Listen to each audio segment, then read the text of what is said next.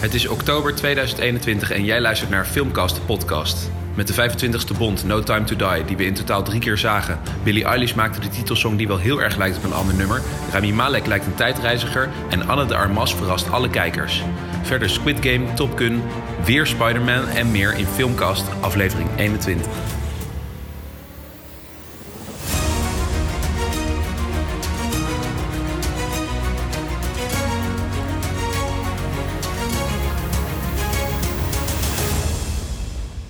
Ja, Hey, welkom bij Filmcast, de podcast. aflevering 21. 21. We hebben net de boel aangeveegd van onze jubileumaflevering. En we zitten alweer klaar voor jullie. En eh, de, de champagne is ingeschonken. Ja, de champagne is alweer op, te sterker doen. nog. Eh, gaan we er meteen gewoon eh, inspringen? We gaan naar de nieuwtjes. Eh Cheers, wij hebben een tijdje geleden ontzettend positieve review achtergelaten over de slag om de Schelde. Oh ja, inderdaad. Viel wel mee eigenlijk. Wij En, vonden en terecht. En nu kan iedereen, iedereen die hem nog wilde zien, dankzij ons hem ook kijken op Netflix. Eh, en niet alleen in Nederland, maar over de hele wereld. Is Slag om de. Schelde. Maar hoe moeten ze dat dan doen? Ga, dan gaan ze toch wel ondertitelen, hoop ik. Want als ze hem gaan nasynchroniseren, dan zijn ze dat prachtige ehm Zeeuwse accent kwijt. Nee, Dan snappen ze ja. helemaal niet waar wij allemaal zo lyrisch over doen. Nee, ik denk wel dat in heel veel landen het gewoon nagesynchroniseerd is, ja. Oh, dat zal wel. Helaas peanutkaas. Maar, ehm, wat denk je? Doet deze film het goed of niet? Nou, ik denk... Nou, ik denk het eigenlijk niet. Nee, nee, ik vind niet. Wat gek is, want ik heb jou voordat deze podcast begon verteld dat hij overal op nummer 1 staat. Maar ik weigerde te geloven. Ik geloof het eigenlijk nog steeds niet. maar La, show, show me the data. Show me the data. Nou, dat, dat doet Netflix een beetje moeilijk over. Maar het schijnt dus echt dat deze eh, film... eh, in USA begon die, stond hij opeens op, de, op nummer 1 van best Nou, bekeken ja. films.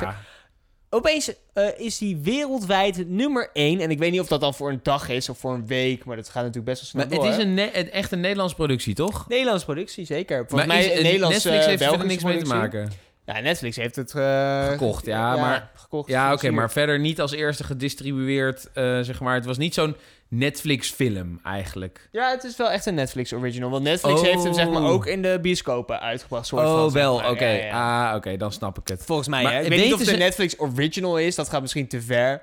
Maar het is in ieder geval wel echt Netflix. Ja, ja. maar weten zij in Amerika wel ehm, hoe zij hiermee om moeten gaan met Nederlandse films? Snappen zij dat wij een Nederlandse film gemaakt hebben? Nou, wat natuurlijk het ding is bij de Slag om de Schelde... is dat het eh, richting, een, nou, richting hè, een soort Hollywood-productie gaat...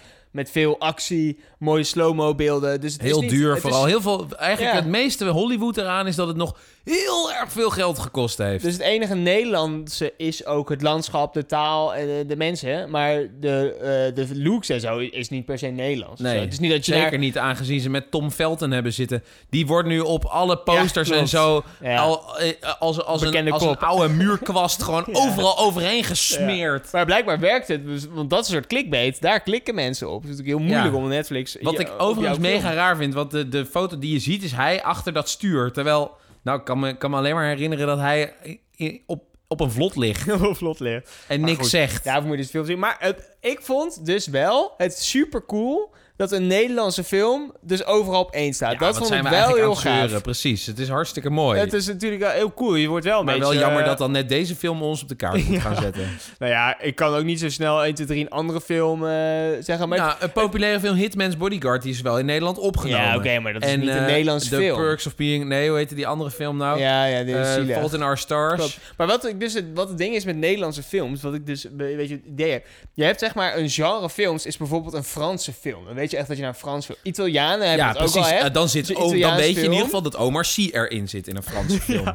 Nee, maar dat heeft echt een soort van... eh, dat is dan met een begrip. Maar het begrip volgens mij internationaal een Nederlandse film bestaat Ja, gewoon Turks niet. fruit is gewoon een seksfilm. Ja, en Een Nederlandse is- film. Ja. Ja, zolang er geen bloot in zit, is het geen eh, ne- Nederlandse film. Nee, maar is dat internationaal ook Turkse fruit? Ja? Ja, ja, ze- ja, Turks fruit is heel bekend. Ah, ja, en, dus- en dan zie je en dan de eerste beste Nederlandse actrice die je dan in Game of Thrones ziet, die trekt meteen de kleren uit. En natuurlijk, zeg maar, de mensen die heel goed films kunnen maken... neem bijvoorbeeld de Paul Verhoeven. Die gaat gewoon lekker internationaal films maken. Die heeft straks weer een film die eh, waarschijnlijk het heel goed gaat doen. Welke dan? Eh, die, met, eh, die over de nonnen gaan. Er is best wel veel te doen over in het Over de nieuws. nonnen? Ja, de, zij heeft een film gemaakt over lesbische nonnen. Oh, dat, nou, dat moet weer echt net uit Nederland komen. ja, nou ja, maar hij gaat inderdaad gewoon in het buitenland dan zo'n film maken, wat natuurlijk wel slim is. Doe, eh, eh, ja, in Nederland Hij heeft daar wel... Nee, veel, eh, inderdaad. zoeken, Paul? Verhoeven heeft het wel heel goed geregeld. Oh, over Nederlandse films gesproken. Er komt... De, de Chameleon is nieuw uitgekomen. Eh, die Nieuwe film is trouwens. Benedetta. Even dat je weet. Benedetta. Ben- Benedetta. Benedetta. Oké, over lesbische nonnen. Over lesbische Oké, nonnen. onthoud die naam, jongens. Maar het is wel een beetje een artfilm. Het schijnt wel echt go- goed te zijn dus. Ik heb de trailer gezien. ja, precies. Ja, ik vond Stijn. hem... de trailer vond ik oké, oké. maar ik ben heel benieuwd naar Jij gaat niet in je joggingbroek naar die film. ik ga mijn filmbroek naar die film. maar ehm, eh, de Chameleon 3 is eh, uitgekomen. En die is, ik dacht weer van, ah, dat is is die uitgekomen al, ja? Ja, ja, volgens mij draait hij eh, nu. Of binnenkort, weet ik eigenlijk niet. Zo, ja, zo november kan ik me wel voorstellen. Maar ik dacht, ja, dat, dat is dan weer zo'n zo'n naslinger van, van wat het ooit was. Maar wel weer geregisseerd door onze eigen eh, Friese regisseur, Steven de Jong. Grappig. Die heeft ook de eerste twee gemaakt. Hij heeft ook de eerste twee gemaakt. Dus ja, misschien, eh, misschien wordt het toch wel een leuke film. Ik denk niet dat ik hem ga zien. Ik vind deze jongens iets te veel... Oh, het zijn wel met andere jongens. ja, wel... Ja. de Chameleon, is fucking oud. 32 jaar later. De chameleon aan de ketting. Ja, precies. Oh ja, maar ze hebben echt zo'n Friese kop, die jongens. Ja, ze zijn wel Friese kom. Maar ik Wat vind ze eigenlijk net iets te, te ballerig overkomen. Dit zijn niet echte jongens van, de, van het land. Lachen. Maar hij draait dan niet, heb ik het idee. Ah, het zal wel binnenkort lachen. Wel ik heb leuk. het ook nog niet gezien. Nee. Heb je nog meer nieuwtjes, Stijn? Ik heb nog zoveel meer nieuws. Hou je vast, hou je vast. Waar ik in de vorige podcast trouwens nog zei... eh, Tom Holland, ja, die gaat vast nog wel door als Spider-Man. Allemaal films Zo'n jonge gast, ja, die gaat tot ze net zoals prima. Daniel Craig tot zijn 52 zit hij Spider-Man. Prima, ja. Maar het schijnt toch anders te zijn, want dit is eh, nu eh, zijn vijfde jaar in het, in het superheldenpakkie. En hij heeft... Zijn vijfde film ook, bedoel je dat? Nee, vijfde jaar. hij heeft vijf films? jaar totaal Spider-Man gefilmd, waarin hij ongeveer zes films heeft gemaakt. Wat? Veel. Ja, drie Spider-Man films, dus met deze. Ja, En dat hij dan ook en nog een in paar drie keer een, andere ja, films, dat eh, hij even langskomt. langskomt. Wat misschien ook wel gewoon, want dan heeft hij... Bij, kijk, bij Spider-Man is eigenlijk heel goedkoop. Je, kunt, je koopt dan Tom Holland voor zijn, voor zijn portretrecht, zeg maar. Dus elke keer als Spider-Man zijn, eh, zijn masker afdoet, dan heb je Tom Holland. Maar elke andere keer, als hij dus helemaal in Ja. het pak is... dan kun je gewoon een of andere willekeurige stagiair eh, rond laten hupsen. Nou, waarschijnlijk is het gewoon animatie ondertussen, inderdaad, ja. Ja, Maar ja, dat zijn hoofd, dat is helemaal... dat is gewoon in de studio ergens, dat plakken ze er dan op. Dat was natuurlijk ook de zweeft deal die, beetje. eh, die Sony met Marvel had. Van zoveel films gaan we doen in die samenwerking, dan is het klaar. En eh, toen dacht ik, nou, dan gaat hij vast voor Sony nog veel meer films maken. Ja, maar hij gaat hij gewoon voor zichzelf... zegt eh, nu een beetje in, in interviews met dat hij, dat hij eigenlijk het nou, masker even neerlegt. En hij weet niet of hij er ooit nog gaat terug gaat keren. Een hele emotionele laatste dag had hij blijkbaar ook op deze set. En het schijnt echt een beetje klaar te zijn nu. Dus daar stond ik wel een beetje van te kijken. Want ik dacht, nou, deze gaat het nog wel even volhouden. Maar, ergens is het natuurlijk ook wel logisch dat bepaalde acteurs die lang een rol vervuld hebben, zeker aan het begin van hun carrière, wel door willen. Want je Ja. wil niet op een gegeven moment die Nee. 50-jarige Spider-Man zijn. Dat je alleen maar maar voor dit soort kinderfilms wordt ge... Maar denk je dat hij in andere films net zo succesvol zou kunnen zijn? Ehm, nou, dat, kijk, een acteur zou in principe alles moeten kunnen. Ehm, dus juist als jij een goede acteur bent en je zit dan in, in enorme films waarbij je in ieder geval al heel veel naamsbekendheid hebt, dan is het een kans natuurlijk groot dat hij wel een keertje gevraagd wordt, in ieder geval uitgenodigd wordt voor een casting. Is natuurlijk En- zo, maar deze jongen die speelt volgens mij al vanaf dat hij 19 is of deze rol. Dus als je 19 bent, dan kan je misschien inderdaad pas je heel goed in deze rol. Dat kwam ook omdat hij heel atletisch was en hij kan goed acteren. Maar dat is natuurlijk anders dan dat jij, ehm, eh, nou ja, als, je 22 wat bent. ouder bent. Nou ja, kijk maar naar wat bedoel je dan? Maar bedoel je dat hij, zo, dat hij zo jong al in deze Ja. rol is, dat hij erin is gegroeid en dat hij misschien nooit meer, dat, dat, dat Spider-Man verweven is geraakt met zijn acteerkunsten? Nou ja, misschien dat hij heel geschikt was voor die rol. Betekent niet dat hij ook geschikt is voor andere rollen. Nee, een beetje. Kijk, in 19 is op zich dan nog wel een leeftijd waarin dat kan. Maar een beetje met, met de Harry Potter acteurs natuurlijk is gebeurd. Is dat volgens mij Ja, dat meer dan de helft van die zijn nooit echt in een andere Nee. rol beland. Omdat ze gewoon begonnen toen ze 11 of 12 waren of zo. Ja. Dus dat betekent niet dat je automatisch ook meteen een hele goede acteur bent en in allemaal andere rollen het ook goed Nee, doet. maar als, er ergens, als je ergens natuurlijk leert acteren en ergens leert omgaan met eh, de hele filmindustrie, dan is het wel gewoon daar. Dus ik denk dat ze sowieso een streepje voor hebben. En dan kan het inderdaad alsnog zijn dat ze eigenlijk andere rollen helemaal niet zo goed kunnen.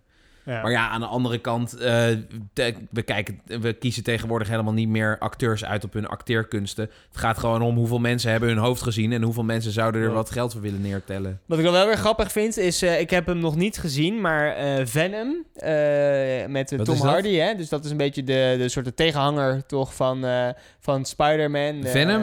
ja, Venom. De het film klinkt Venom. alsof je moest niezen. Dus volgens mij eh, is dat ook een soort virus. Word je ook... Maar eh, eh, neemt een soort dat demon toch een soort... eh eh, ja, het is, van de jou vi- of zo. het is een gek. vijand uit Spider-Man en Ja. die heeft nu zijn eigen film gekregen. Nou, precies dat. Maar die, die krijgt dus nu, is deel 2, draait nu. En daar zit dus een hele kleine cameo in. Dat is een spoiler trouwens. Van Spider-Man. Van Tom Holland. Tom Holland. En wat Oh. is die cameo? Is het einde van de laatste film. Als Spider-Man wordt onthuld als Tom Holland is Spider-Man. Weet je wel, dat overal die schermen in heel New York eh, is dat te zien. ja, oké, ja. Eh, dat stukje zit ook, zit ook in, in die- Venom. En dan zie je dus Tom Hardy, dus degene die Venom speelt, reageren op dat nieuws en echt zo naar tv kijken. Oh, dus dat ik dacht, vet. Wow, misschien komt er dan eh, na de Spider-Man film nog een samenwerking tussen deze twee characters. Ik denk dus eerder dat... Ja, want het is toch ook het idee dat die Venom juist een good guy gaat worden? dat Of weet zo? ik eigenlijk niet. Nou, ik had aan die trailer had ik wel het idee van eh, dat, kunnen. dat die Tom Hardy op zich wel redelijk goede intenties heeft. Ja. En dat hij een beetje gaat vechten tegen zijn, eh, zijn kwade invloeden. Ja. Maar ik las ook op internet best wel veel mensen die er echt veel eh, achter dachten van... Nou, dit wordt, deze gaan samen film maken. Ik denk dat het eigenlijk gewoon een soort van leuke, eh, leuke extra was Ja. in de Venom film. En Het dat is er eigenlijk niks ook mee wel gebeurt. Ja, het is juist wel leuk als je dan toch zo'n universum wil maken.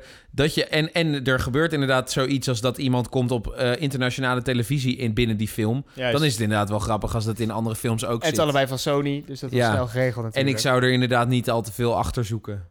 Nee, wat ik wel jammer vind. Maar ik ben dus heel benieuwd naar die laatste Spider-Man film. Venom was ik niet per se heel enthousiast over, dus die gaan we waarschijnlijk niet zien. Maar die laatste Spider-Man film komt in december volgens mij. Daar kijk ik wel echt naar uit, want dat zal eh, de, de eindjes wel aan elkaar eh, gaan knopen Ja. voor Spider-Man in ieder geval. eh, wat 16 de Spider-Man- december is die in de bioscoop. Daar heb ik wel echt heel veel zin in. Ik ben benieuwd naar eh, hoe dat gaat. Maar ja, dit vond ik toch wel een nieuwtje dat eh, Tom Holland dus zelf zegt van... Nou, ik, eh, ja, dit is toch wel een beetje de end of eh Ja, era. nee, maar ik snap het wel. Ik denk wel, eh, waarschijnlijk heeft hij wel de- de bedoeling om verder te komen in de hele filmindustrie en ook meerdere rollen te gaan spelen. ja. Zeker bij die jonge gasten die echt wel, nou, ik denk dat hij erin is gekomen omdat hij gewoon echt van acteren houdt. Ja. Ehm, en dan is het maar goed ook dat je dat op een gegeven moment weer, eh, ja, weer wegdoet Ja, is, is en doorgaat. goed, hij moet door. Hij moet door en wij moeten ook door. Eh Chit, voordat jij op vakantie ging... Jij bent natuurlijk op vakantie geweest een Ja. tijdje. Eh, Ik ben naar, ja, mag ik er nog iets, heel iets over zeggen? Tuurlijk. Ik ben dus naar Schotland geweest. Nou, Dat wist je niet, maar dat, dat vertel ik dan nu. En ik heb dus allemaal loca filmlocaties bezocht. oké. En Wat heb je dan ik- daar in Nou, Schotland? ik reed daar dus en ik dacht, hallo, dit lijkt net eh, een soort Lord of the Rings, een soort middelaarde. Ja. Maar eh, dus toen dacht ik van ja, maar waarom hebben ze het hier eigenlijk helemaal niet opgenomen? Waarom zijn al die acteurs dan helemaal naar, naar Nieuw-Zeeland gegaan? Nou, ik weet waarom. Nou. Het regent er altijd. Ah, Ja. Dus dan heeft het natuurlijk geen Ja. zin als je dan al die acteurs daarheen eh, roept. nee. En dat ze dan vervolgens allemaal twee maanden in een hotel moeten gaan zitten om te wachten totdat de regenbui Maar hoe eindelijk weet jij dan dat het daar regent? Je bent daar geweest en Ik dat ben daar ook heel erg nat geworden. Ah, ja. ja. pijnlijk. Ja, klopt. En op een gegeven moment ja, reed ik met een soort oranje waterdichte poncho als een soort pino op mijn motor door die Schotse hooglanden. Ja, want jij hebt natuurlijk voor waterdichte kleding gezorgd. Een extra broek die je aankon. eh noem maar op. Gewoon Nou, waterdichte ik schoenen. dacht eigenlijk, we hebben hier zo'n mooie nazomer in Nederland. ik ben eigenlijk zonder jas gewoon vertrokken. Lekker naïef. Echt, het, het, het- zeg maar iedereen die ook nog nooit daar is geweest in Schotland. Als je die vraagt om een tip voor Schotland. Dan is het, ja, waarschijnlijk regent het er. Dus zorg. Ja, ga anders, op, ga anders op een motor. Ja, Dat is de grote tip. Nee, maar ik ben dus ook gewoon, als je daar rijdt, het is zo mooi daar. En ik ben op allemaal verschillende stukken geweest waar ze James Bond hebben opgenomen, waar ze eh, Harry Potter hebben opgenomen. Nice. En het grappige is dus, toen wij James Bond keken voor deze, film, Ja. voor deze podcast, je herkent meteen wanneer het Schotland is. Ook al doen ze net alsof het in Noorwegen is, het is in Schotland opgenomen. En dat, dat is, dat is heel- gewoon ontzettend. En ik, ik kijk er dus naar uit om nog een keer Skyfall te kijken. ja, omdat dat, dat, echt- natuurlijk helemaal Schots is. Ja, vet. Ian Fleming komt overigens ook uit Schotland. Nou, dat waren mijn fun facts. Ga je En maar, maar, eh, maar eh, ooit het eh, Harry Potter iets met een trein daar ook, of niet? Ehm, ja, het schijnt dat daar volgens mij de allermooiste treinreis van de wereld is in Ja. Schotland. Waar inderdaad ook die, Precies. die, die, die, die, dat stuk is opgenomen dat hij met de trein naar Ja. Zwijnstein vertrekt. De Zwijnstein Express, Ja. die rijdt daar. Die rijdt daar dus, die blijkt daar, dat is gewoon een echte trein. Die rijdt daar nog steeds. Nog steeds, nu ook. Elke dag Voor allemaal toeristen rijdt hij dan. daar voor allemaal toeristen. Oh, er zitten lachen. allemaal kinderen in eh, Harry Potter tenues Ja, en, en met vet. toverstokjes en, en smekkies in alle smaken zitten die allemaal. Dan kopen ze een eerste klas ticket. En dat kost dan denk ik 100 pond of zo, want een tweede klas kostte 50. Dan mag je twee uur in die trein zitten. En dan gaat je bent niet met de motor er voor die trein uit gaan rijden en dan die scène in Harry Potter naast Ja, ik vloog erboven. en denkt, Ja. Dat dan weer niet. Nee, ik had de motor juist op een plek neergezet. Dus Ja. ik moest ook weer de trein terugnemen.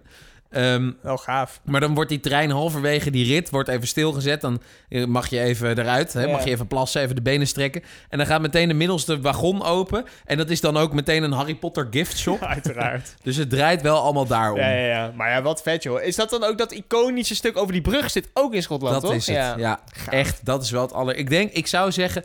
Als je gewoon een weekendje Schotland wil zien, ga Ja. daarheen. Neem die treinrit. Doe Ja. dat een dagje. Ga terug. En je hebt eigenlijk het mooiste van Schotland gezien. Ja, wel gaaf. En je zit binnen. Dat is ook wel. eh, uiteindelijk is dat toch wel lekker. Ja. Maar inderdaad, voordat jij dus op vakantie ging, eh, zaten wij volgens mij nog even na te genieten van of een podcast of weet ik wat anders. Zette jij heel even een serietje op op eh, Netflix. En dat heette Squid Game. Zeiden ons toen nog eigenlijk helemaal niks. Nee, Eh, want het werd, was ook vrij onaangekondigd. Stond er in één keer op. inderdaad. En sindsdien is het behoorlijk ontploft. Nou, het is hier. Ik reed dus laatst hier door het centrum. Ja, En ze waren bij Eendrachtsplein. waren ze dat spelletje aan het Klopt. spelen. Ja. En met allemaal mannen ook echt in die ja, pakken. was met ook die helmen vanuit. Netflix. Echt eh, een Wel vet dat ze al die items dan in één keer hadden. Ja. Ja, echt groots eh, opgezet. Want het, eh, ja, het staat overal opeens op, eh, op nummer 1. Het schijnt dat er wereldwijd 111 miljoen mensen naar hebben gekeken. Binnen een x aantal dagen. Dus, eh, 100 miljoen. Ja. En dat is dan wereldwijd, hè? Dus, maar oh, binnen 17 dagen. Dat is toch Dus ongelooflijk? één, de, ja, dat is 1 op de ongelooflijk? 70 mensen. 1 op de 70 mensen wereldwijd heeft dit gezien. Is dat zo? Dus als je naar Midden-Afrika gaat, eh, als je met 70 mensen in de bus zit, Ja, ja. dan heeft in ieder geval één iemand Squid Game Echt? gezien. Niet te doen. In het eerste, wat zei je nou in de eerste week? In de eerste 17 dagen, dus echt twee weken. Iets langer. Ongelooflijk. Ja, Dus wel echt. eh, maar heb je het nou gezien of niet? Ja, ik ben aan het, kijken. Ik ben nog ergens middenin, dus geen, graag eh, maar geen wat vind je ervan? Ja, ik vind het heel gaaf. Ja? Maar Wat- dat ik- heeft verder niet vind echt... het dus- eh, ik vind het niet eh, eh, baanbrekend of zo. Ik vind het gewoon leuk om naar te kijken. Maar wat, wat is het toch met, met mensen en dat, ze dan, dat dit dan in één keer een hype wordt? Want Ja. het is, het, ik vind het een vrij luguber. Die mensen worden ja, echt... tuurlijk. De, er wordt, de, camera wordt niet even weggedraaid. Als Misschien is dat eh, juist ook wel waarop, ze, waarop het scoort. Ja, maar, maar hetzelfde geldt voor eh, de Hunger Games. Dat vinden mensen ook fantastisch, wat ook vrij luguber is. Ja. Wat is er toch met mensen en dit soort moordspelletjes? Waarom vinden ze dat leuk? Ik denk dat... En, en ja, blijkbaar hebben ze precies op het juiste moment... zijn ze weer zoiets nieuws begonnen. Ehm, maar wat Squid Game eigenlijk doet, is... het pakt gewoon letterlijke scènes uit andere films... Eh, in 2017, geloof ik, is As the Gods Will uitgekomen. Ja. Die heeft gedraaid hier in het Internationaal Filmfestival in Rotterdam. En dat ging over een stel poppen. En in Japan geloven ze allemaal rare dingen. Maar die poppen, dat zouden dus ook een soort eh, shinigami's zijn of zo. De Ja. goden van de dood. En die dan in een eh, school ehm, kinderen of, of jongeren spellen laten spelen ook. En als, ze dus, als het dus fout gaat, dan, gaan ze, dan overlijden ze dus. En daar zit precies dat spel in met, zeg maar, dat eh Annemaria Koekoek gebeuren, zeg maar. Dat Ja. iemand omdraait en dan moet je stilstaan. Precies dat. Maar de vraag is of het erg is. Want heel veel films pakken toch elementen uit andere films... om daar dan weer iets van te maken. Het is Ja. niet... Ja, op zich... Het Nee, mag. inderdaad. En, het, eh, en ja, eh, misschien claimt deze maker ook helemaal niet... dat het een super originele serie Nee, is. en, en, en eh, dus dan in de, die, die zin hebben ze gewoon geluk dat het nu zo is aangeslagen. Waarschijnlijk waren ze op de Ja, denk juiste, je dat het juiste plek is? op het juiste moment. Ja? Ja, ik denk het wel. Want er zijn echt oprecht veel meer films die hierover gaan, die best wel die potentie hadden. Eh, die ik op zich net zo goed vind. Er is ook Ja. een, eh, een televisieserie Kaiji. En dat gaat ook over een gast die zit aan de grond. Die wordt door zo'n eh, zo'n groep mensen gerecruit om gokspelletjes te spelen. Dan zitten ze ook met z'n met z'n honderden in een zaal. En dan moeten ze ook dingetjes gaan uitwisselen. Ook met die figuurtjes en zo, die sterren en cirkels. Ehm, maar dat kent dan niemand. Dus Hmm. ik denk gewoon, ik denk gewoon dat het, ik denk dat het een deel geluk is. Aan de andere kant is het ook weer iets nieuws, een Koreaanse eh, eh, film Ja. of serie. Nou, Koreaanse dingen doen het goed, toch? Want je had toch een paar jaar geleden ook die film die Oscar heeft gewonnen? Ja, P- Parasite, Ja, Parasite, van inderdaad. Joon-ho of zoiets. Klopt, kwam daar ook uit. Ja, ik nee, denk maar dat mensen, misschien... zijn wel, mensen zijn misschien op zoek naar iets nieuws, iets anders. Ja, en misschien heeft het ook wel mee te maken, juist dat, ik weet niet of dat zo is hoor, maar dat- dat ze bij het maken van deze serie al wel een beetje de internationale gedachten erbij hebben gehouden of zo. Dat het, het, want het is best wel voor een breed publiek lijkt het gemaakt. Er zitten niet he- heel veel referenties in naar bijvoorbeeld Zuid-Korea, waar het dan nee, gemaakt klopt. is. Hè? Het is eh, Nee, het is dus ju- juist omdat ze allemaal in dat bedrijf zitten en allemaal dezelfde kleren aan hebben, ziet het er heel erg uniform Ja. uit. En zou het ook net zo goed in, in Europa of in Amerika past, kunnen ja. gebeuren. En dan, het kijkt ook gewoon goed. Hè? Het, is, eh, het, is, dit, het is niet een gekke arthouse-serie of zo. Weet je. Nee, het kijkt precies. gewoon alsof je, nou ja, weet ik veel, een eh, Hollywood-serie zo Ja. wegkijkt. Dus, Ah, en wat Ja. ik op zich wel goed vind hieraan is, ze geven niet meteen alles weg. Wat het risico bij dit soort series is, dat ze in, het eerste, in de eerste eh, aflevering gaan ze alles uitleggen. En in de rest van de serie kijk je hoe zich dat uitspeelt. Maar elke aflevering komen er wel nieuwe dingen dat je denkt, huh, huh, zit dit er ook bij? Zit dit er ook in? Eh, waardoor je wel geïnteresseerd blijft en verder gaat kijken. ja. Maar het zijn maar acht afleveringen, geloof ik. Dus, dus dat, ik hoop dat ze het daar ook bij houden. Dat ze niet allemaal eh, spin-offs weer Nou, er komt waarschijnlijk maken. een seizoen 2. Tenminste, Netflix, Ah, uiteraard, wil natuurlijk graag een seizoen 2. Eh, en die zijn nu in gesprek met degene die dit heeft gemaakt... om te kijken hoe hij hier tegenaan kijkt. En dat is ja. volgens mij nog niet helemaal duidelijk. Ja, nou, die zal er Maar vast ja, Netflix is natuurlijk gek als ze niet proberen om nog een tweede seizoen... Netflix derde seizoen dus te knallen. m- echt enorm veel meer kijkers hierdoor ook gekregen. Mensen zijn allemaal gaan abonneren. Ja. En, dan, en dat is wel relaxed, want eenmaal een abo- abonnee... ja, die gaat niet zomaar meer eh, loskoppelen. Maar als je ook inderdaad even nadenkt, hè, 111 miljoen kijkers in 17 dagen. Dat is Ja. natuurlijk ongekend. ja, bizar. Voor wat dan ook. Dan heeft het het best wel zelf gedaan ook. Want da- daarna is natuurlijk pas die hype ontstaan. Ja. Daarna zijn echt, pas echt mensen gaan kijken. Echt bizar, 111 miljoen. Ja. Ja, het is wel bizar. En ik, maar ik vraag me ook wel af, hè, want Netflix maakt eh, maar heel schaars eh, cijfers bekend. En ze zeggen dan eh, in hun officiële statement, wat ze dan op Twitter hebben gegooid, met eh, Squid Game has reached eh, 111 miljoen fans in 17 dagen. Dus dan zou je denken, ja, 111. Zijn dat dan unieke streams? 111, mi- mi- ja. Of ja, of zeggen gaan ze ze gewoon... ervan uit dat er drie mensen op ja, elk account zoals met zitten? televisie is het ook van, nou, eh, el- elke kijker is keer vijf. Want Ja. eh, kijk, gemiddeld vijf mensen in huishouden of zo, zoiets is het dan. Of keer drie. Dat kan dus dat natuurlijk. vraag ik me wel af. Maar aan, want bij kijkcijfers dan nemen ze ook... dat is- er zijn steeds steekproeven. Maar Netflix kan best wel gericht zien ja. wie er allemaal kijkt. Netflix is best wel... Maar het zijn niet allemaal individuen die kijken. Dus je weet nee, niet of er nee, één of twee of nee, dat is waar. Maar ze weten natuurlijk wel veel nauwkeuriger ja, al... eh, hoeveel mensen er kijken in plaats van kijkcijfers. Wat gewoon, ja, er staan misschien 10.000 van die apparaten in Nederland. Of 100.000, ik weet niet. En zo tellen ze dat. Maar Netflix is dat, wat dat betreft ook best wel een eh, interessant informatiebedrijf. Want zij kunnen dus ons kijkgedrag heel erg specifiek analyseren. ja. Zij weten Stijn Vermeulen, die kijkt graag dit en dit en dit. Op deze en deze tijdstippen. En als we het op deze manier voorschotelen, dan klikt hij erop. ja, met dit plaatje. Ja, klopt. Ja. Maar dat is natuurlijk een heel goed algoritme. Dat vind ik wel goed. Dat is een Ja. verdienmodel. Ja, inderdaad. Alleen daardoor verdwijnen dus sommige titels die je eigenlijk wel zou willen zien. Maar die verdwijnen ergens onderaan de berg. Ja, want dat dan ze, vervelend. oh ja, dat is niet eh, relevant Nee, voor nee, eh, nee, deze manier. Nee, nee, Ja. nee. Dus het algoritme zou nog beter kunnen. Ik bedoel, eh, ja, ik krijg nooit film, kerstfilmpjes met puppies of zo. Ja, ik vind sowieso het menu van Netflix verschrikkelijk. Ik wil gewoon zelf eh, kiezen waarop ik wil sorteren. Dus sorteer op mijn aanbevelingen, dat moet een optie zijn. Maar ik wil ook gewoon sorteren op best bekeken, nee, ja. sorteren op alfabet, sorteren op scoren. Ja. Gewoon dat soort dingen. Daar wil ik op kunnen misschien. sorteren. Maar nee, ik moet eerst naar zo'n minuutje en dan krijg ik eerst alle super populaire films. En dan denk je, oh, Ja. is dit het aanbod? Dat lijkt heel weinig. Maar nee, Netflix aanbod is super uitgebreid. Alleen je moet echt gaan graven op Wat ook moment. irritant is als ik dan heb aangegeven aan Netflix van... ik vind deze drie films leuk. Ja. Dan komen die films Ja. steeds bij aanbevolen dingen. Dan zeggen, ze, dan zeggen ze, als ik Jurassic World leuk vind... dan zeggen ze, oh, misschien vind je Star Wars dan ook leuk. Ja, nee, dat is omdat ik dat al heb aangegeven. Ja. Dus, dus in die zin ben ik, alleen maar in mijn eigen, ben ik alleen maar in mijn eigen staart aan het happen. Dat is een slecht voorbeeld trouwens. Dat Star Wars staat helemaal niet op Netflix. Nee, kun je nagaan Ja. ja. hoe slecht het werkt. hey, maar dat Eh, waren mijn je- nieuwtjes. Oh Heb ja, jij nog ik heb nog, een, nou, ik heb nog een aantal dingen. Want ehm, ja, nu met de hele eh, Rona gebeuren... worden, de- worden films af en toe wat ehm, vooruitgeschoven. Dus ik wil nog even Ja? eh, vermelden... welke films nou echt binnenkort de moeite waard zijn. Goeie. Wij gaan volgende week... en volgens mij vanaf morgen draait al The French Dispatch... nieuwe film van Wes Anderson. Ehm, eh, dan hebben we nog een nieuwe film met Mats Mikkelsen... de week daarna. eh Redvaardighedensrieteren. Eh dat Tuurlijk. ja, de, nou ja, een, scoort goed op IMDb. Ehm, en het gaat over... Het is een soort Liam Neeson, alleen dan gespeeld door Ma- Mads Mikkelsen. Ah, ook ja, weer in... Ja, het is een beetje een actiefilm, ook comedy. Ehm, hij, hij staat in ieder geval op de poster met de 30 eh, geweren in zijn hand.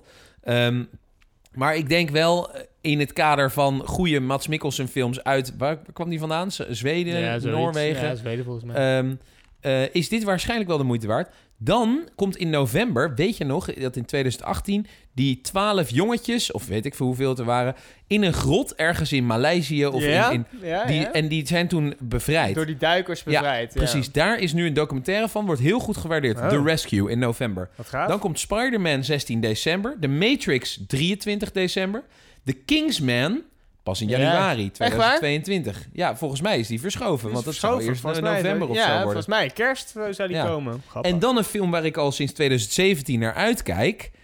Het vervolg op Murder on the Orient Express. Death on the Nile. Ja. Die komt pas februari 2022. Maar wel echt, ik denk, een van de leukste films. En dan denk je... Maar weet je wat grappig is? Mag ik daar wat over zeggen? Ja? Eh, heb je Sex Education gezien? Nee, mag ik niet kijken van mijn ouders. ja, maar dat is dus eh, best wel een populaire Netflix-serie. En eh, daar zit dus een actrice in, eh, Emma McKay. En die speelt ook in die film.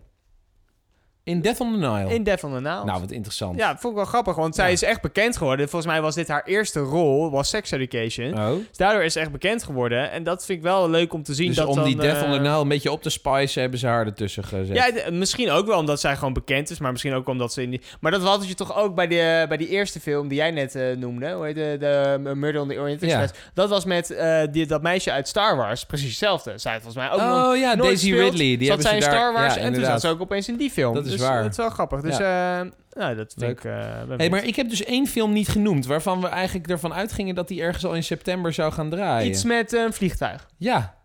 We moeten tot Top Gun... en we hebben al 30 jaar moeten wachten Ja. sinds het eerste ding. Maar nu dachten we, nou... Die zal wel binnen, binnenkort wel gaan draaien. Helaas, we moeten wachten tot 26 mei Bizar. volgend jaar. Dat dat mag überhaupt. Ja. Nou ja, goed. We hebben, we, 26 mei. Hij zou eigenlijk rond de periode van eh, die andere Tom Cruise film Mission Impossible uitkomen. Maar die komt in september 2022 uit. Maar goed, intussen nog allemaal leuke films om te Ik zien. denk dus dat het te maken heeft misschien met dat Universal dus geen... Want die films zijn van Universal, hè? Dat die geen eigen streaming service heeft. Dus zeg maar, iedereen heeft ondertussen zijn eigen streaming service. Dus die kunnen Waarmee gewoon in coronatijd... vangen. Ja, die kunnen coronatijd gewoon een film wel uitbrengen. Want dan, als hij het dan niet heel goed in de bioscoop doet... dan Ja. eh, vangen ze het alsnog je wel thuis op toch met... nog eh, 23 euro voor. Ja, of een abonnementsvorm. Dus dan halen ze het nog uit. Maar Universal heeft dat niet. Dus misschien heeft het daarmee te maken dat ze dan... Ah. Maar misschien komen er wel andere films van Universal uit. I don't know. Maar Ja. dat zou een reden kunnen zijn. Ik vind het ergens dus wel mooi dat ze dan toch trouw blijven aan dat hele filmgebeuren zoals het ooit was. Klopt. En volgens mij is Tom Cruise is natuurlijk ook wel volgend fan van het big format eh idee. Ja, dat zal wel. Dus nou ja, maar wie weet wat, eh, of ze volgend jaar niet allemaal ook om zijn. Nou, mocht je nou in de tussentijd tot eh, nou, mei 2022 nog een leuke film willen zien... eh, tot 15 november draait op Netflix United 93. En dat is een film van Paul Greengrass, hele goede regisseur. Eh, volgens mij heeft hij ook die film eh, Boyhood gemaakt. Oh ja. Ehm, en United 93 gaat over de vliegtuigramp in, op 11 september 2001. Oh, echt? Ehm, hele, goed, he- hele goede film. Kun je nog tot 15 november op Netflix kijken. Helemaal goed, gaan we doen. Eh, we gaan nu naar onze hoofdfilm der hoofdfilms, denk ik. Misschien wel de, ja, de, de, de meest geanticipeerde film van dit jaar. Ja, ik- denk het wel. En ik heb er hoe langer hoe meer zin in Ja. ook. Jij- eh, vast een kleine spoiler, viel die mee tegen? Of was hij eh, naar verwachting? Eh, was, was redelijk oké. Jij, jij hebt hem twee keer gezien. Ik heb het twee keer gezien. We hebben het over No Time to Die. Eh, daar, daar gaan we het over hebben.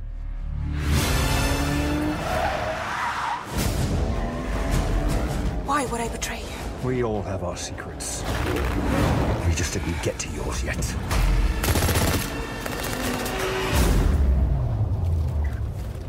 Wij keken de lang verwachte 25ste Bondfilm No Time to Die. Met als één van de bad guys Christoph Waltz, Rami Malek, Lia Seydoux, Daniel Craig en, nieuw door Daniel Craig, aanbevolen speciaal voor deze film... omdat hij met haar heeft samengespeeld twee jaar geleden in Knives Out... Anna de Armas. Die zitten maar 10 minuten in en eh, iedereen, Iedereen praat over haar. ja. Wat grappig. Ja, geregisseerd door Carrie Joey Fukunaga. Juist. Terwijl dat eigenlijk helemaal niet de bedoeling was. Nee, er is eh, iemand een maand voor eh, start eh, weggerend. Precies. Weet je waarom? Nou, ik weet waarom. Omdat ze... Weet jij waarom? Nee, ik weet het niet. Nou, ik heb, hoe, hoe heet hij ook weer? Ja, dat weet, hebben we nu net even niet goed opgezocht. Maar je weet wel waarom die weg is gegaan. ik, ik, weet, ja, ik, ik weet ook hoe die zou moeten heten, maar dat, dat, dat kom ik straks op. Zal ik het jou vertellen dan? Ja, Danny Boyle. Ja, Danny Boyle, die was eigenlijk al, nou, al twee jaar lang eh, in de picture om deze, Deze film, film, te gaan regisseren. En hij heeft een eh, soort schrijversduo met een vriend van hem. Ja. eh, waarmee ze, ze hebben, samen hebben ze ook andere films geschreven. Ehm, en sta- staat hier ook welke andere films het ook weer waren die hij had gemaakt? Kunnen we wel even snel opzoeken. Anyway, het, hij, hij, zij zaten al halverwege het script. En toen zijn er toch eigenlijk samen met die Broccoli-familie... Oh ja, hij heeft bijvoorbeeld de Slumdog Millionaire Ah, ja. En eh 127 uur. Eh, en nog een aantal films waarvan je zou denken... Ah, dat wordt dan in ieder geval een... Ja, weer een beetje die oude, swayende eh Bondfilm. ja. Een rustige film, maar met wel veel inhoud. En veel onderliggende ehm, eh, processen die zich Ja. afspelen. Ehm, alleen, blijkbaar hadden ze eh, oneenigheid, met name over het einde. Want Danny Boyle, die had als plan Ah. dat hij James Bond wilde laten overlijden. Oké, oké. Maar dat wilden ze blijkbaar niet. Nee, want dat is nog nooit gebeurd. Dat is nog nooit gebeurd. Nee. En toen hebben ze hem eruit gekikt. Oké. Oh, waarschijnlijk onder andere van... Dat, er waren waarschijnlijk ja, nog ja, meer ja. problemen. Maar het probleem is dus dat dit schrijversduo... waarvan Danny Boyle zegt van... nou, wij waren echt met iets moois bezig. Ja. Ehm, die moesten dus eh, nou, eh, hals over kop vertrekken. En toen is dus die nieuwe, die eh, Fukunaga, is erin gevlogen. Die verder helemaal niks te maken had met het script. Want de twee oude scriptschrijvers van de andere Oké, die zijn films... Die, die, zijn, ja, die hebben ook weer een deel van dit script geschreven. Maar dat waren met name de Skyfall en de Spectre schrijvers. Eigenlijk is het een soort trilogie, zeg maar. En Ja. die films daarvoor, dus eh, Precies. Casino Royale en Quantum of Solace... die staan er dan weer een beetje los Ja. van. ja. Ehm, en, en die hebben dat dus toch een beetje ja, aan elkaar ge- weten te, weten te schrijven. grappig, joh. Ehm, maar het, het, het, het plan was... de- ze zouden eigenlijk een hele andere, bijna artistieke richting opgaan, denk ik, Ja? met Danny Boyle. Maar deze, die Fukunaga... Ja, die komt... Dat is een Netflix-regisseur. Wat grappig. Die heeft uh, Maniac heeft die gemaakt. En eh, wat wel ook een hele mooie was... True Detective.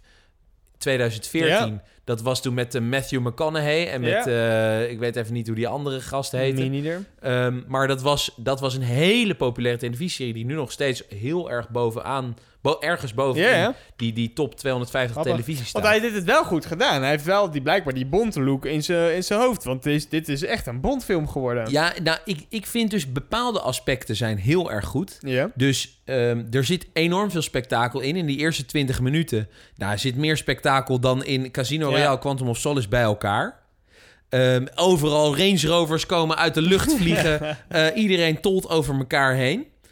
Ehm, maar ik vind dus juist omdat de, deze regisseur niet per se een hele lekkere connectie had met de Ja. schrijvers. Die, die, die waren, dat was een beetje, ja, een, een, een, ze kenden elkaar niet. Nee, precies. Gewoon los. eh, ja, die, die waren niet ja. lekker op elkaar ingespeeld. Ja. Ik heb dus het idee dat er bepaalde keuzes wel gemaakt zijn.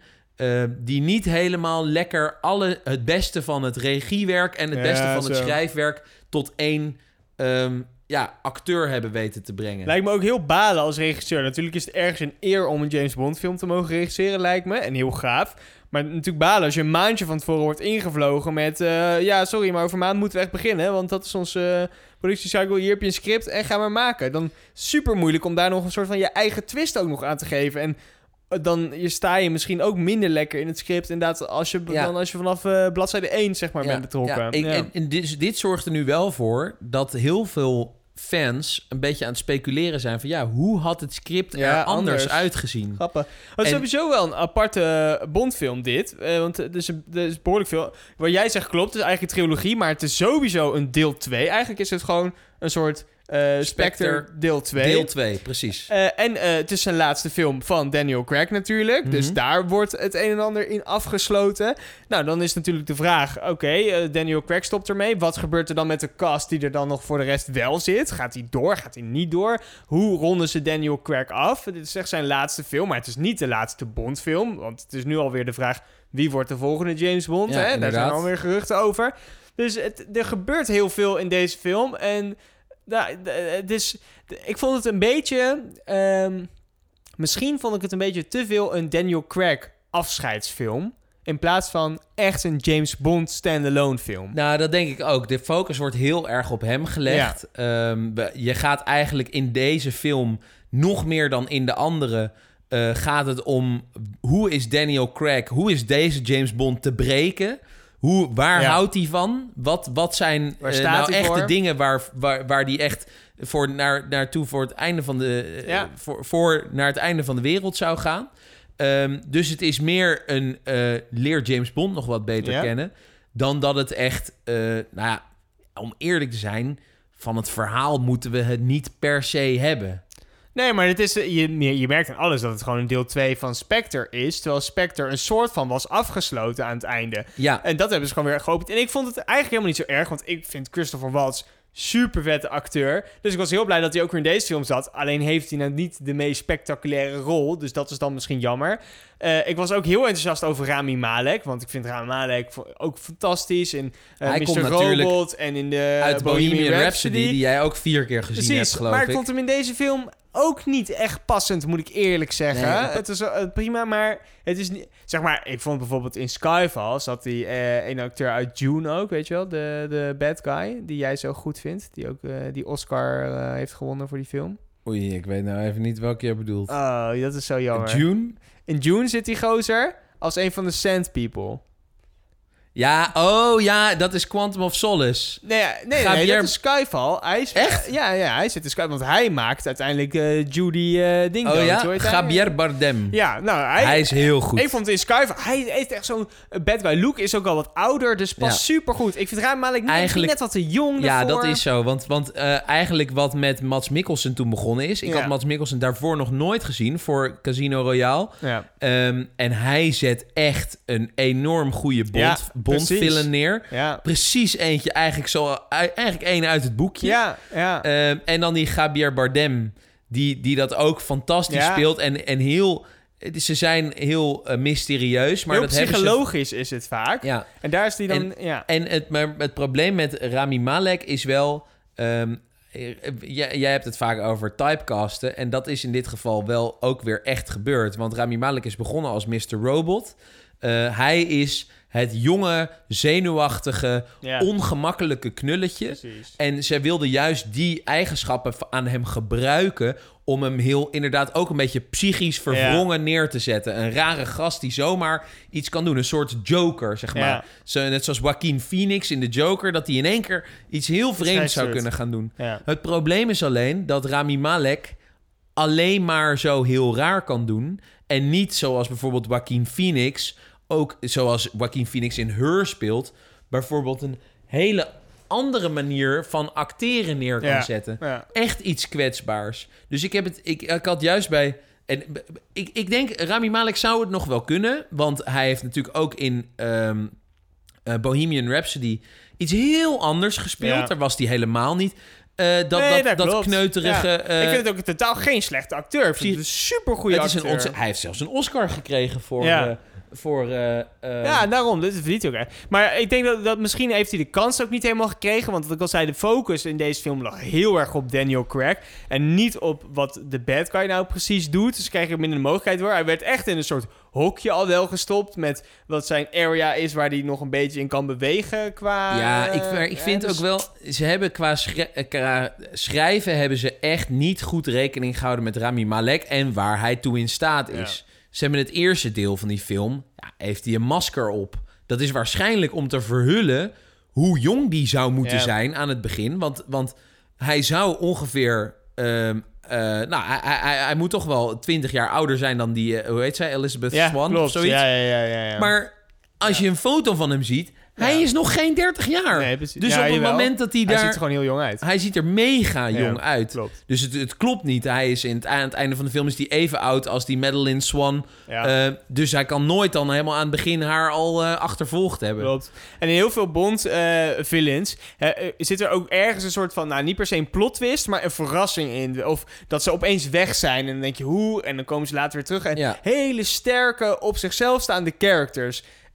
Dat had inderdaad Rami Malek in deze Nee, film het- niet het- helemaal. het- het- het- wat, ik, wat ik dus een beetje proefde, was... In, kijk, Inspector, eh, die begon een beetje traag. Waar het niet voor de, ja. eh, de 10 minuten lange take ongeveer... Die, helemaal aan het begin van de serie, of van, van, de, afle- eh, van de film... Ehm, hij begon een beetje traag, maar aan het einde kwam je echt in een soort spiraal terecht. Van oké, oké, dit heeft met Ja. elkaar te maken, dit heeft met elkaar te maken. Wow, hij moet nu nog dit en dit en dit doen. En we gaan echt helemaal naar James Bond binnen. En ik heb het idee dat ze dat, ze dat eigenlijk als einde van Daniel Craig hadden moeten gebruiken. ja. Eigenlijk had het moeten aflopen bij Spectre. Ja. En toen dachten ze, nee, het zou wel mooi zijn als we een Een soort tribute 25ste of zo. film kunnen Ja, maken. ja. Maar ja, dan moeten we iets nieuws bedenken. Ja. en dan komt er een of andere flauwe kul met een masker op... die, nou ja, eh, het makkelijke plot van wereldoverheersing... eh, en dat moet James Bond maar, eh, maar te niet doen. Nee, dat, dat is het. En, en, en zo, inderdaad, zo voelt het ook wel een beetje echt zo'n afscheid voor Daniel Craig. Een eer aan alle James Bond films die ooit gemaakt zijn. En, eh, nou, gewoon, eh, want het is wel een, inderdaad een, een goede James Bond film naar te kijken. Alleen je, je merkt gewoon dat het niet per se een film die op zichzelf staat is. Merk je aan het verhaal, aan de acteurs. Nee, dus hij hangt heel erg aan Spectre. Ja. Ehm, en dus ja, ik denk gewoon omdat ze, omdat ze gewoon tijdens Spectre bedachten van... eigenlijk zou het nog wel leuk zijn om iets extra's te doen. En het grappige is, je merkt helemaal aan het begin... tijdens de titelsong van Billie Eilish... Ja. die, eh, hè, dat was al jaren geleden, volgens mij is dat bekendgemaakt... Billie Eilish ging, ging dat doen, echt fantastisch. Ze doet het prachtig. Ja, dat is een goeie, goed nummer. Ja. Eh, het grappige is, eh, toen ik zat dat te luisteren... ik dacht, nou, maar dit doet me wel heel erg denken... aan ook de titelsong van Spectre. En ik dacht, wat nou als je die twee liedjes Van, eh, van Sam Smith. van dat. Sam Smith... Wat, ik dacht, nou, je, volgens mij, je kunt, het, je kunt het er bijna overheen Ja, zingen. ja, ja. Ik dacht, wat nou als er gebeurt... Wat, er, wat, wat gebeurt er nou als je die twee liedjes daadwerkelijk door Ja. elkaar heen zingt? En toen ging ik googlen en toen kwam ik dit meisje tegen. If I risk it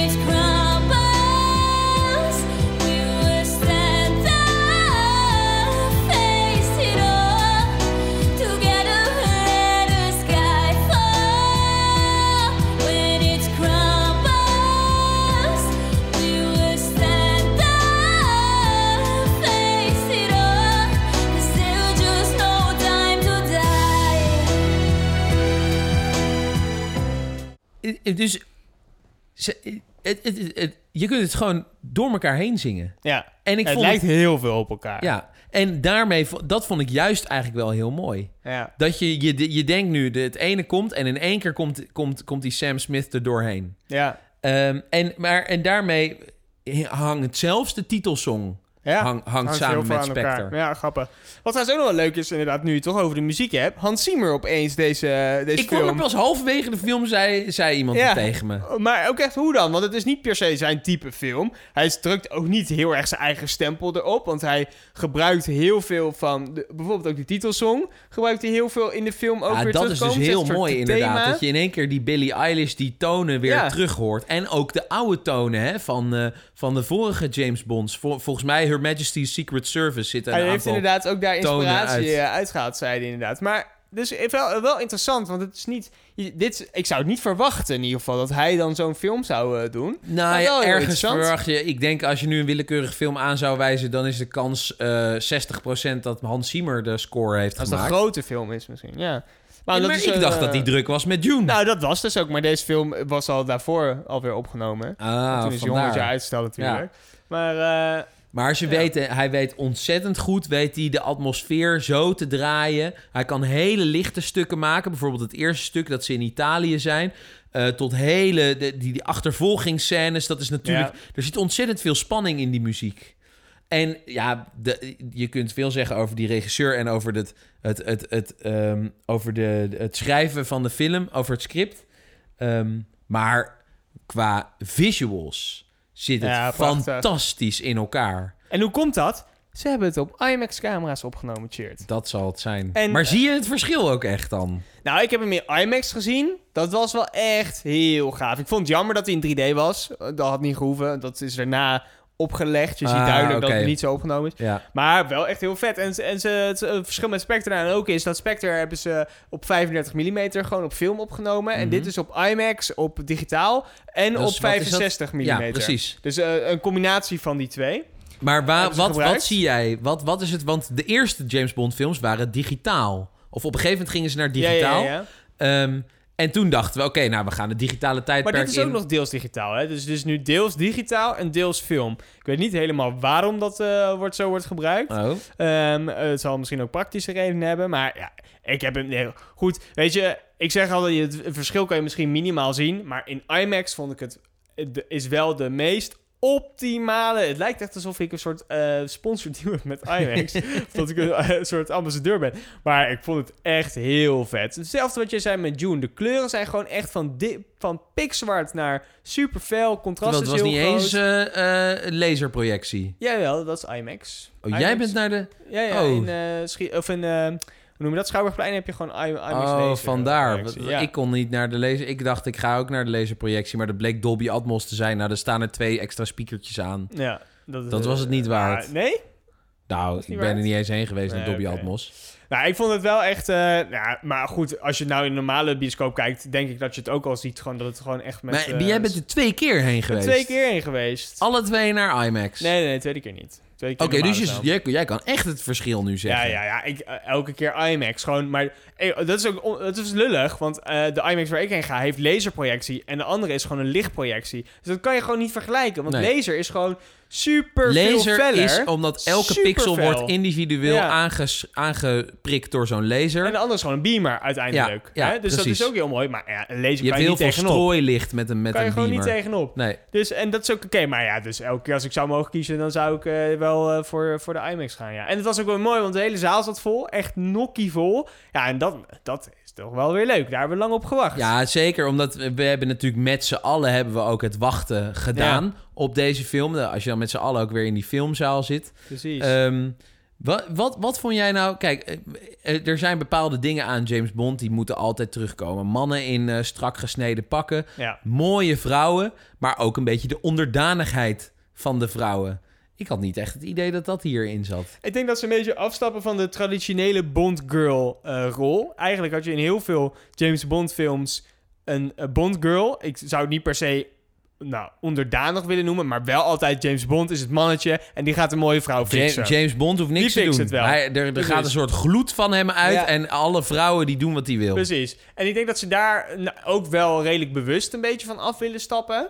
Maar ook om... ehm, en eh, dat is natuurlijk een reden, want een van de hoofdbazen van heel dat James Bond-imperium is Barbara Broccoli. En zij is best wel een, eh, een, een, eh, een, een vrouw die voor andere vrouwen op wil staan. Ja, is dat zo? Ik had juist het idee dat die hele broccoli-familie juist bij het oude wilde blijven. Nee, er is een, is een verschil. Kijk, zij zegt, eh, James Bond is een mannelijk karakter. Dus al die geruchten over James Bond zou een vrouw moeten worden... of Ja. door een vrouw worden gespeeld... Nou, die drukt zij een beetje de kop in van... ja, sorry jongens, maar James Bond is een mannelijk karakter. Maar ze zegt ook... eh, dat betekent niet dat daar een sterk vrouwelijk karakter tegenover kan staan. En daar moeten we juist naar gaan kijken. Hoezo zouden we James Bond een vrouw maken... als we gewoon een eigen vrouwelijk karakter Precies, ook sterk wat, wat kunnen misschien maken? nog wel sterker is. Wat we mis- dat- in deze film eigenlijk ook alweer Want, zien en wat, wat ja. inderdaad, daar ging, het ging ook vooral om, wij willen... eh, eh, sommige mensen wilden graag dat James Bond een vrouw zou worden. Ja. Maar ze hebben eigenlijk met deze film er gewoon voor gezorgd... dat we ons daar helemaal niet meer zorgen over hoeven te maken. Want er is dus eigenlijk al een soort ja, vrouwelijke spion. Bijvoorbeeld Anna de Armas. Die er tien minuten in Ja. zat. Die als een soort hele zenuwachtige, eh, martini verorberende eh, jonge Ja. dame. En die blijkt in één keer mega goed te zijn. Klopt. En ik vond haar het, het, eh, eigenlijk het, het leukste stuk in de film hebben. Ja, ze had ook een beetje humor. Dat maakte haar natuurlijk ook leuk. Waar was de humor in de rest van de Ja, film? niet ik heb niemand aanwezig. behalve die ene, die ene Russische onderzoeker. Ja, heb ik een paar hele flauwe slapstick grappen horen maken. Klopt. Eh, maar zij was echt een verademing. En het grappige is, de vrouwelijke stukken, daarvoor hebben ze een extra schrijver, een extra Oh. adviseur Oh, eh, in, eh, in, laten vliegen. Dat is namelijk Phoebe Waller-Bridge, die ook, en daar heb ik het al een keer over gehad, Fleabag heeft Ja, geschreven en gespeeld. gespeeld. cool. Echt een Brit Dus- ook. Echt een echte Brit, Ja, want ja, wat is James Bond zonder Ja, eh, bijna een volledig Britse crew? Cool. Ehm, en zij heeft dus de, de vrouwelijke karakters en wat, een, een wat extra punch gegeven. Leuk. Ja. En, en dus die zijn nu wel... Ergens vind ik het wel jammer, want ja, James Bond begint, de, begint eigenlijk als... als eh, eh, eh, hij heeft al een relatie aan het begin van de film. ja, ja. En, en zo door de film heen blijft dat een beetje zo. Hij blijft dan... Hij, hij blijft Ja, continu... ik vond dus dat challenging tussen dus een James Bond en bijvoorbeeld de vrouwelijke 007... vond ik super verfrissend. Want dat geeft een beetje zo'n leuke dynamiek. Als dat weer een man was geweest, ja, dan heb je misschien snel een voorkeur... of dan denk je, joh, rot lekker op. Ja, maar dit gaf wel weer echt een super nieuwe dynamiek... in dat hele... eh, Dat is waar. En je hele gunt, het er, je gunt het er ook een beetje. Ja, ik vond dat wel echt En zij gedaan. was wel, want wat in deze film wel zo is. Kijk, James Bond is in, in principe een spion. Niemand Ja. zou zijn naam moeten weten. Nee. Ehm, maar hier boeit het hem niks. Hier, hier is elke explosie. Hij komt als een soort. Hij komt op een, eh, op een eh, feestje van, eh, van Spectre aan. En iedereen weet wie die is. Ja, Meteen wordt het licht op hem gezet. Ja. Terwijl die vrouwelijke spionnen. Dat, die is wel een echte. Die, Ja. Zij is undercover. Zij Precies. zorgt dat ze op plekken is. Zij wordt niet gezien. Sterker nog, James Bond herkent er niet eens in het begin. Ehm, dus dus het, het, het hele espionageverhaal, dat zit meer aan haar gelinkt. Aan Nomi heet zij, geloof ik. En, en dus eigenlijk ook aan Anna de Armas. Ehm, het ook wel leuk dat zij al een beetje de, de voorsprong nemen. Want op een gegeven moment zitten ze toch in dat vliegtuig met Q. En dan moeten ze in dat kleine vliegtuigje, dat magneetvliegtuigje, naar beneden. denk je, oh, James Bond gaat dat wel even besturen. Ja. Maar nee, die staat gewoon Zij zit achterin. En zij zit voorin. En dat vind ik, door dat soort stukjes, Ja. dat vind ik heel goed. Want dan laat je ook soort van weer een kwetsbaarheid. Want in deze film is die eigenlijk al met pensioen, hè, James Bond. Precies. Dus dat laat ook zien dat hij niet meer alles kan. En in alles opeens de beste is. En dat hij opeens weet hoe het werkt. Vond ik wel weer mooi. en het is ook een oude man natuurlijk. Want als je. Casino Royale, wat wat mij betreft de beste James Bond ooit gemaakt is, eh, ziet... dan is het een jonge gast. Hij komt net uit die 2004 Layer Cake. Ik zat op de basisschool toen die film uitkwam. Ja. Deze man is gewoon al Ja. 15 jaar. Terwijl hij- ik weet nog dat het toen stond in de kranten. Ah, nee, hey, Daniel Craig, Ja. nee, die heeft Ja, en die heeft eh, blond haar. Dat klopt Ja. helemaal niet. Nee, klopt. En nu is het ja, de, Veel te James jong Bond van ook. onze generatie. En hij is inderdaad, hij he aged well. Hij zit wel lekker in. Het is, maar wat mij betreft misschien in deze film net iets te serieus. Ah, het lijkt me ook zwaar hoor, want je zegt inderdaad, zit er lekker in. Hij is wel eh, goe- goed eh, oud geworden, maar daar heeft hij wel het nodige werk voor moeten doen waarschijnlijk. Dus dit is een zware zijn- rol, denk ik, om... Want je tekent, ik weet niet voor hoeveel films je überhaupt aan het begin tekent, maar als je weet natuurlijk als je James Bond gaat spelen, dat je dat voor langere tijd gaat doen. Wat een Ja, eer is, maar dat betekent opgave. ook inderdaad dat je mooi Precies. even eh, Nou, fit mag blijven. Hij heeft dus in een interview in 2014 of 15 heeft hij gezegd van... nou, het boeit me niks wie de nieuwe James Ja. Bond gaat worden. Ik word het in ieder geval voor de komende jaren niet. ik, vind, ik ben er helemaal klaar Ja. mee. En toch zit hij er weer in. Terwijl zijn vrouw, Rachel Ja. die zei... "We- Ga, ga eens weg uit die hele boxingring daar. Want je komt elke keer terug dan weer met een gebroken knie. eh, met eh, gescheurde spieren. Nou, het schijnt Ehm, inderdaad dat hij nu nog dingen heeft waar hij in gewoon nog last van heeft. Ja, van de opnames van films Nou, inderdaad. maar Dus ja. als je die Casino Ro- Royale ziet, daarin zitten die bekende freerun scène. Nou, dat is best wel heftig. Ja, maar ik vond het grappig, want in deze film heb je op een gegeven moment dat iconische, eh, aan het begin dat motorstuk, dat hij op die motor zit. Oh, en als je ja. daar goed naar kijkt, zie je dat dat hij helemaal niet Nee, is. klopt. Dat vind ik dus wel grappig. Dus dan hebben ze iemand gecast die super veel op hem lijkt, Ja, maar dan maar toch... net niet is. En als je dat dan weet, dan ga je naar hem kijken en Ja, denk je, klopt. dit is hem niet. Nee, nee, nee, dat vind dat ik is wel erg grappig. En het stoort totaal niet, want je ziet van afstandje en de scène is voor- voorbij voordat je het weet. Dus je moet ook niet gaan mieren neuken. Maar dat, ik vind dat best wel leuk dat je soms met een film dat soort dingetjes kan zien. Van, oh ja, dus daarin kan je zien dat het, hoe het een beetje gemaakt is. Ja. Dat vind ik wel grappig. Ja, en over die motoren gesproken. Het is wat betreft de nieuwste eh, automobiliteit... Ja. de- ja, toch wel een ongelooflijk gave film. Ja. Want ik was ontzettend blij dat er überhaupt motoren in zaten. Ja. Je wordt dan wel... Het, de, de, die financiën... De, de, de fi- fina- financiële eh, inmengingen, die druipen ervan af. Want Ja, ja, je ja. wordt al geprept voordat die film begint... met een soort Tuurlijk. Land Rover reclame. En met die... Met die eh, Maar dat hebben ze ook wel nodig, want er gaan inderdaad in deze film tien eh, Land Rovers eh, gewoon over de balie die heen moeten en gewoon afgeschreven. Nee, dat klopt. Maar al die gasten op die motoren... Je krijgt het hele arsenaal van Aston Martin te zien. Van de oude DB5 Ja. uit eh, 1964 tot aan de nieuwe Aston Martin Valhalla... waar die niet in gereden heeft, helaas. To- en van, van een enorme ehm, eh, legervliegtuig tot een heel klein zweefvliegtuigje. Alles zit erin. En dat hebben ze wel ongelooflijk goed Ja. gedaan. Dus wat dat betreft, qua die hele, de hele feeling eromheen... is het een echte mooie James Bond film. Ja. Ehm, maar dan alsnog, ik denk, ze hadden misschien meer nog uit Christoph Waltz mogen halen. Die als een soort Hannibal Lecter helemaal vastgeketend, zo heel langzaam. Eh, ja, dat Ja. is het enige stukje. Ik had liever gehad dat die Christopher Waltz weer was ontsnapt of zo. En dan had hij gewoon de rol die Rami Malek dus in deze film een soort van over Ja. kunnen nemen. Want ik vond, dat, ja, dat voegde dan niet zoveel Nee. meer toe Nee, uiteindelijk. nee het, het is ook gewoon die, die, die, die schurk die Rami Malek speelt. Die, die heeft, in principe is het een hele plain schurk, zeg maar. Ja. Het is gewoon, hij heeft niet heel veel bijzonders toe te voegen. Ze hebben geprobeerd hem een beetje een backstory te geven. Maar je moet wel een ongelooflijk goede acteur zijn om daar dan mee alsnog een heel eigen karakter te ontwikkelen. Ja. En dat is Rami Malek gewoon niet gelukt. Eh, waarschijnlijk heeft hij ook niet de goede kansen gekregen vanwege Precies. het script. Ehm, Nee, dat denk ik ook. En, eh, de, ja, dat, dat, En ik denk dus dat lastig, eh, natuurlijk. Christoph ja. Waltz was daar denk ik echt Ja. beter voor geweest. En dat hadden ze moeten doen. Of ze hadden tijdens... Ze hadden al voor Spectre moeten bedenken dat dit twee delen zouden gaan worden. En het film...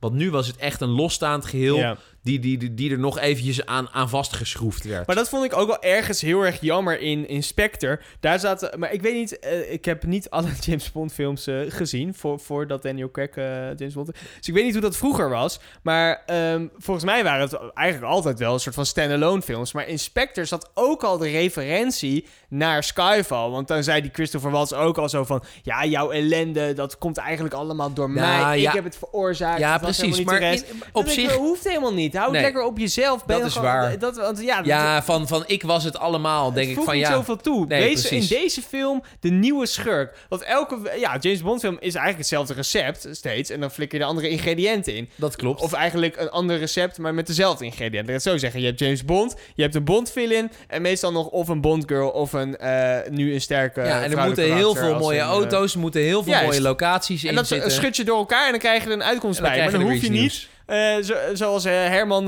degen, wat je een stukje afpakt en dan flikker je dat naar de volgende en dan kan je je eigen Herman Nee, degen oppakken. Hoeft van mij dat niet. is waar. Nee, en dat vond ik ergens dus aan Spectre ook wel jammer. Dat zelfs dus die films van Casino Royale en Quantum of Solace eraan gelinkt werden. Dus je kreeg foto's te zien van, eh, van eh, Le Chiffre. Terwijl die film had helemaal niks te Nee. maken met dat hele Spectre-verhaal. niet nodig. Toch is dat Spectre volgens mij een thema wat in heel veel James Bonds ook, ook van tientallen jaren terug terugkomt. steeds terugkomt. Dus, dus dat da- daarmee snap ik het allemaal wel. Ja. Ehm, maar ik denk een mooiere afsluiting was Spectre geweest. Ik, misschien hadden ze ze moeten omdraaien. ja, Had gekund. Maar als we nu even het stukje ingaan waar we toch een spoiler gaan bespreken. Dus als je hem nog niet hebt gezien, zet het nu uit. Eh, het einde van deze film. Ja. Dit is natuurlijk de eerste keer dat zoiets is gebeurd. Ehm, En dus ja, daarom had je absoluut. niet om kunnen draaien. Nee, dat is waar. En, maar het gekke is dus dat die Danny Boyle... die is Ja. eruit gezet... omdat Om deze hij reden. omdat hij James Bond wilde afknappen. Ja, En vervolgens, wat doen ze? Ze laten hem toch gaan. ja.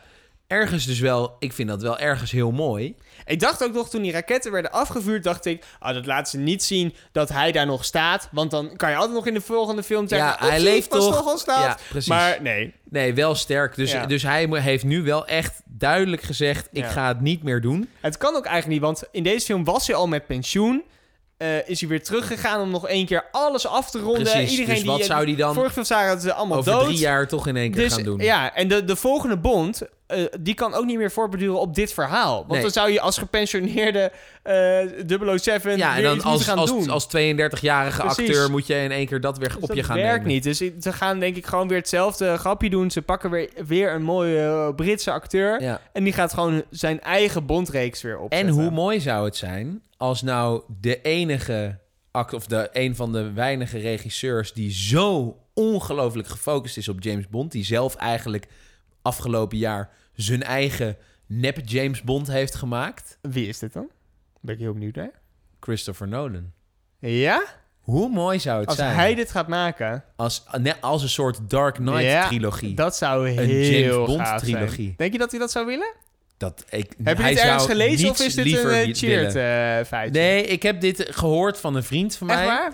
En die denkt dat, dat het zo is. Ik weet ook verder niet of dat gebaseerd is heel op. mooi zijn. Maar het zou een prachtige fantasie zijn. Ik weet niet, want Christopher Nolan die...